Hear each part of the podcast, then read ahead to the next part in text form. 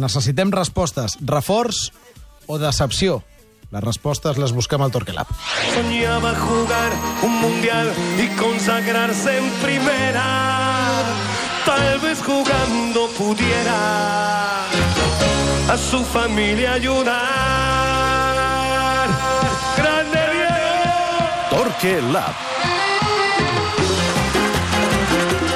A veure, jo no puc dissimular el meu entusiasme. Ja sé que ahir ens van fer 23 contraatacs i que al minut 15 podíem anar 3 a 0, que el Barça realment no va crear moltes ocasions. Aquí eh, tinc el meu Pepito Grillo particular, Sònia Gelmà, que porta tot el dia dient-me que em faig 300 grans eh, massa, però... Sí, sí. Per...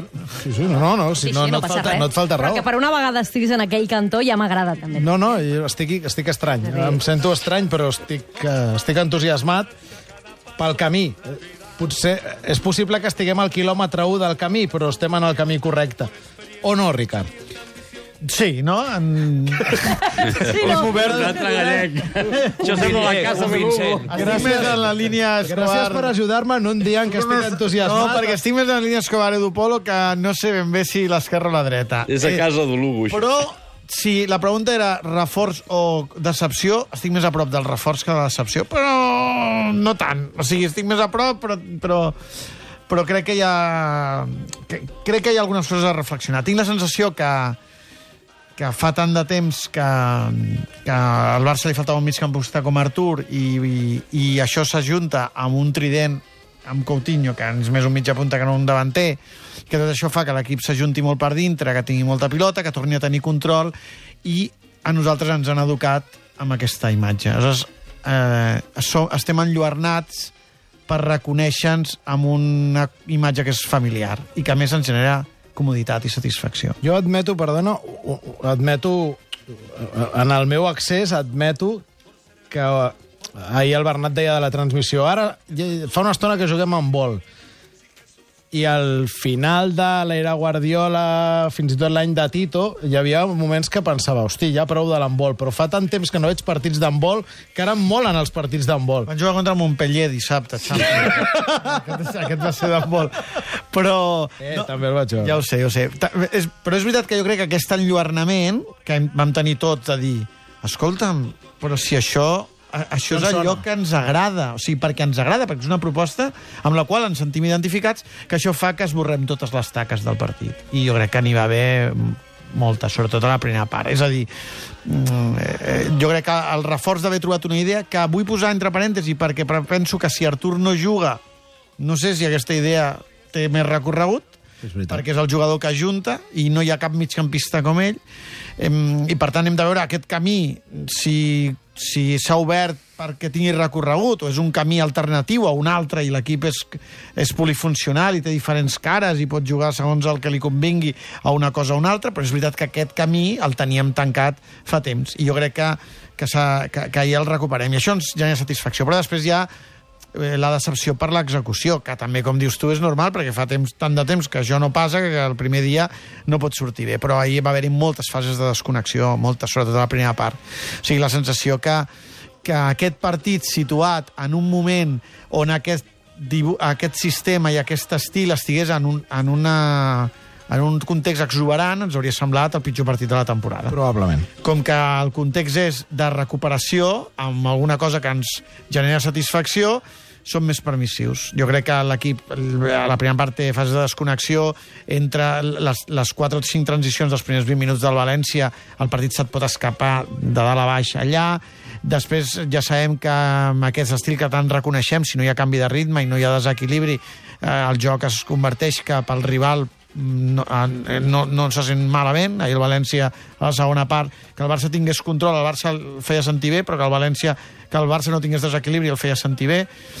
I a tot això li poso l'asterisc de Wembley i, per tant, de la factura física o el desgast que també va provocar que no hi hagués aquest últim canvi de ritme, que és el que fa que aquest eh, joc que, que té control tingui un final feliç. O sigui, primer hi ha control del partit, després hi ha capacitat per atacar, i el Barça va tenir control del partit, però no va tenir capacitat per atacar.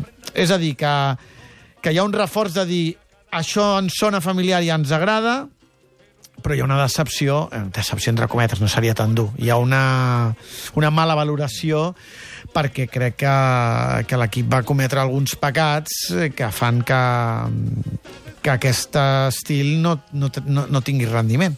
A veure, més enllà de les ocasions concedides al contraatac, que estic d'acord amb tu, que són excessives i eventualment et podien haver costat el partit al quart d'hora, mm, també el gran Barça, que s'instal·lava en camp contrari, que és el que a mi m'agrada del que va passar sobretot a la primera part d'ahir, també concedia perquè jugava amb un cert risc. Per mi, sobretot, el gran dubte, i en això sí que estic d'acord amb la Sònia, són les, les, la profunditat. És a dir, si sumes migcampistes, perds davanters. Això la manta dona pel que dona. I ahir dèieu a la transmissió, falta, falta un punt de profunditat. Clar, probablement la profunditat jugant així l'has de guanyar a través de, de moure la pilota molt més de pressa del que ho vas fer ahir i sobretot sent més, més verinós pels costats. Sí, per, pels, per, que els laterals ja arribin al, al moment adequat, que, que diríem que, que els automatismes no grinyolin, perquè és veritat que vam veure fases en què un tocava la pilota més del que, del que, del que era necessari, la pilota es ralentitzava, el lateral llançava la desmarcada, però com que no era assistida havia de fer el pas enrere, és a dir, tot estava com grinyolava, eh? i és normal, perquè encara no està prou ajustat. A mi el que més em preocupa de tot el que vaig veure són les pèrdues de pilota eh, constants. Diria, dic constants perquè sí, es sí. va moure per fases, no? És a dir, hi havia fases que el Barça tenia control, hi havia una fase que de cop i volta en 6 minuts el Barça perdia quatre pilotes i el València t'esgarrapava. Els primers 20 minuts, però a la segona part també hi ha un moment, no? I no és només una qüestió de precisió d'atenció, sinó també de posició, de moviment, de, de tot el que genera eh, moure't en pilota amb, amb seguretat. Clar, si vols tenir aquesta personalitat, has de ser molt més segur amb la pilota, perquè si tens un rival al davant que és eh, perillós amb transicions, eh, et fa mal. Jo crec que hi ha dues coses que el Barça ahir va fer especialment malament dintre d'aquesta assimilació d'aquest pla. Una, la seguretat amb la possessió, Eh, crec que al laboratori vam comptar 10, 10 pèrdues més de la mitjana normal, 8 d'elles de Busquets, o 8 més i, o 10 de Busquets. És que ahir Busquets, que per mi va estar colossal fent el pas endavant en la pressió a la primera part, va estar terrible perdent pilotes, una cosa no, impròpia d'ell. També és veritat que, exacte, que és impropi perquè ve de Wembley, que no n'havia perdut cap, i a València en perd 10. També és veritat que el partit es posa 1-0 i, el, i els migcampistes a la, a la primera part, en aquell moment de bogeria, perden massa pilotes per prendre riscos. És a dir, tot forma part del context. Però aquesta és una, i l'altra és aquesta falta de, de canvi de ritme, de desequilibri, de profunditat, de, de ser més eh, picant, ser més precisos connector-receptor... Eh, però aquí jo, jo vull deixar aquest asterisc, aquest asterisc marcat de, de que a l'equip potser li faltava benzina, no? que havia tingut un, un gran esforç a Wembley i que, i que ho va notar. És a dir, no m'atreveixo a fer una tesi sobre que aquest equip, quan tingui Artur i Coutinho al camp, sigui un equip pla. Jo no. crec que la falta de gasolina, i després entrarem en els canvis, però per mi la falta de gasolina és evident perquè la intensitat de la pressió del Barça a la primera part no té res a veure amb la de la segona. I, el guió del partit era similar, Sí, sí, sí. però faltava, faltava una o dues Sí, marxes. Sí, sí faltava que, que és la marxa que fa que crea les diferències. A més, en una segona part on normalment el rival està més madur i, per tant, tens més facilitat per escardar-lo. A mi em va agradar més el Barça a la segona. Eh? Jo crec que els primers 20 minuts de la primera eh, Sí, sí, desqualifiquen la primera part. I, en canvi, a la segona crec que sí que hi ha moments que el Barça hauria d'haver demanat temps mort perquè era una pèrdua de pilota constant, però hi ha més fases de control el que li falta és tenir això, aquesta energia per ser una miqueta més vertical en els moments finals i aquí és on jo crec que a Valverde li va faltar la intervenció dels canvis. M'interessa això perquè abans, si entes bé el Pere, eh, ha vingut a dir que, que ahir no guanyes perquè et falta aquell, aquella voluntat de, que sí que vas tenir a, a Wembley. I aquí m'agradaria que tots diguessin l'ostra. Jo, sincerament, ahir no tinc la sensació que el Barça guanyi, no guanyi per falta d'ambició, però tinc la sensació que el Pere sí que ho veu així. No, no, no, no, no. Jo dic que com el partit més gran és, més concentrats estan. I, Però, home, i, és un gran partit d'allí. del Sí, Sevilla. ja Això no és Wembley. però- No, i van estar bastant més concentrats que a Butarque, Ah, per no, exemple. clar. Però, clar, no, no, no. És que, Ja, tampoc era és que molt jo parlo difícil. d'això. És que jo parlo d'això. No, o sigui, no pot ser que els 20 minuts primers passi el que passa. I això és perquè arribes més tard al camp que, que l'equip contrari. No pot ser que, estan d'acord amb vosaltres, eh? eh? No es pot fer cap valoració perquè venen d'un partit molt heavy i, per tant, estan molt desgastats amb una plantilla com aquesta, teòricament hauries de tenir eines suficients com perquè no passés. Veritat que el, el València... Aquest és, aquest és un punt important, eh? perquè van per començar la temporada dient que havia millorat molt l'equip en profunditat de plantilla i resulta que al final acaben jugant els mateixos i que no hi ha canvis per fer en una Per setmana tant- com aquesta, en un equip veterà molt, eh, Clar, però no hi ha- molt baquetejat. Estem a principi de temporada, van jugar el partit dimecres i aquest es jugava diumenges. I el la València també ha jugat descans, I el Champions. València també ha jugat Champions, tot i que un dia abans. És que el València també Però- estava rebentat. Sí, sí, clar, però, però- el És- és Barça, fàcil el Barça té, i ho hem parlat clar. alguna vegada, no sé quants mundialistes. Però el Tots els fons, equips sí. amb mundialistes l'estan llapant, però- però llavors hi ha una altra cosa, i, i acabo. Perquè fots els canvis al minut 80. Aquí és el que, aquí anava jo. Hòstia, per tant, allò que us deia de la, de, de, de la fa, no falta de credibilitat. O sigui, jo sóc el tio més optimista d'Europa. Ara, no em donen moltes raons per creure. Fins al punt que no sé si diumenge que ve Artur serà titular. I això és el que m'amoïna a mi. Tu et demanes, què et passa? No, no, si sóc optimista, escolta, si vols em compro uns pompons i surto a donar voltes per la diagonal, però, però clar... mm, No, a veure, si Artur no és titular, la imatge tornarà a ser Aquí. diferent a la d'ahir, eh? És que Artur, Artur no podrà jugar tots els partits. I, I aquí sí estic d'acord amb el Pere. Bé, podria jugar Denis Jo i també ahir- li podria donar una mica... Jo ahir, perfil. i m'agrada que sigui- l'Edu avui, jo ahir vaig pensar del que tens a la banqueta, i perquè Artur era evident que estava mort, del que tens a la banqueta, Denis. Sí, fins i tot Rafinha et pot ajudar. No és, és diferent, Amb és diferent. Rafinha per dins he dimitit però et bastant. pot ajudar. Però tu tens un partit que vols guanyar, que tens el rival cansat, que tu estàs cansat, jo aquí no entenc a Valverde. Primer, perquè tu fent canvis també dones una, un missatge a l'equip de dir anem a pel partit. No anem a aguantar un anem a pel partit. O sigui, l'ambició ha de sortir també des de la banqueta. I després, perquè els jugadors que surten de la banqueta, com a mínim pressionaran i correran més. I al fons d'armari, potser dius, home, a, a Arturo Vidal no el veig per guanyar el partit. Potser en Denis no hi creu. Potser Rafinha... Però Dembélé, que aquest any ha començat marcant gols, ve de, de no jugar un partit. Minut 80. Però Dembélé, potser, amb 20 minuts per davant, amb la seva velocitat, t'agafa una i te la fica dins. És el que no entenc. Ho volia centrar més en la part, en la part uh, de guió, però ja que ens n'hem anat als canvis, escoltem l'explicació de, de Valverde. Es verdad que he guardado el cambio, los cambios hasta el final porque no, no lo tenía claro. Así como otras veces ves claro el movimiento, eh, si no lo veo muy claro, prefiero esperar.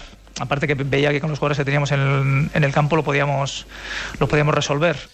Jo, jo ja ho vaig dir ahir a la nit a la TDT. A mi, Valverde, quan està a punt d'aconseguir que el vulgui escanyar, em guanya amb aquesta sinceritat absoluta que, que té. De dir, No ho va veure clar.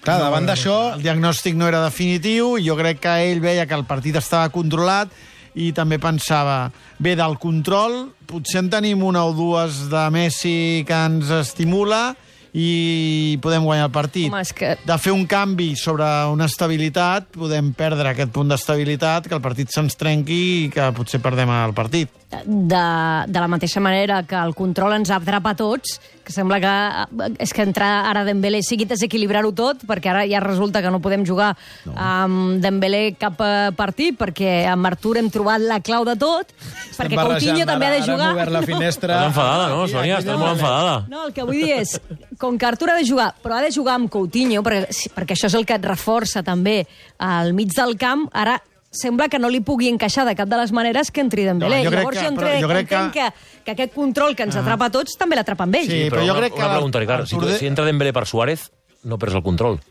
No, no. I potser, i potser, continues i potser el davanter corre més que, un davanter corre més que l'altre. En continues guanyant. Tam tampoc crec que el perdis amb Artur i Dembélé, eh? O sigui, tampoc ens passem. Ara no cal, no cal anar a totes les opcions de pilota al peu i d'ajuntar. Vull dir, també hem d'ajuntar, però també hem de separar. O sigui, el futbol és bàsic trobar equilibri. Joc interior, joc exterior, joc al peu, joc a l'espai. Eh, equilibri, desequilibri. O sigui, en el moment en què una d'aquestes coses et falta, justament eh, el contrast fa que, que, el, que el rendiment no sigui tan, tan rodó. Jo crec que és, que és important no passar del nord al sud, sinó trobar termes mitjos que ens permetin que l'equip tingui rendiment i que tingui una personalitat eh, acceptada. Mm, Si, si el Barça ha d'anar pel camí d'Artur, ha de fitxar un altre jugador com Artur. O sigui, o sigui ha de tenir... el que ha costat trobar-ne no, un. Ha de tenir dos migcampistes per això. Si no, O depenent de qui jugui, l'equip serà més llarg, més curt, més vertical... Lo pujar de baix. Eh?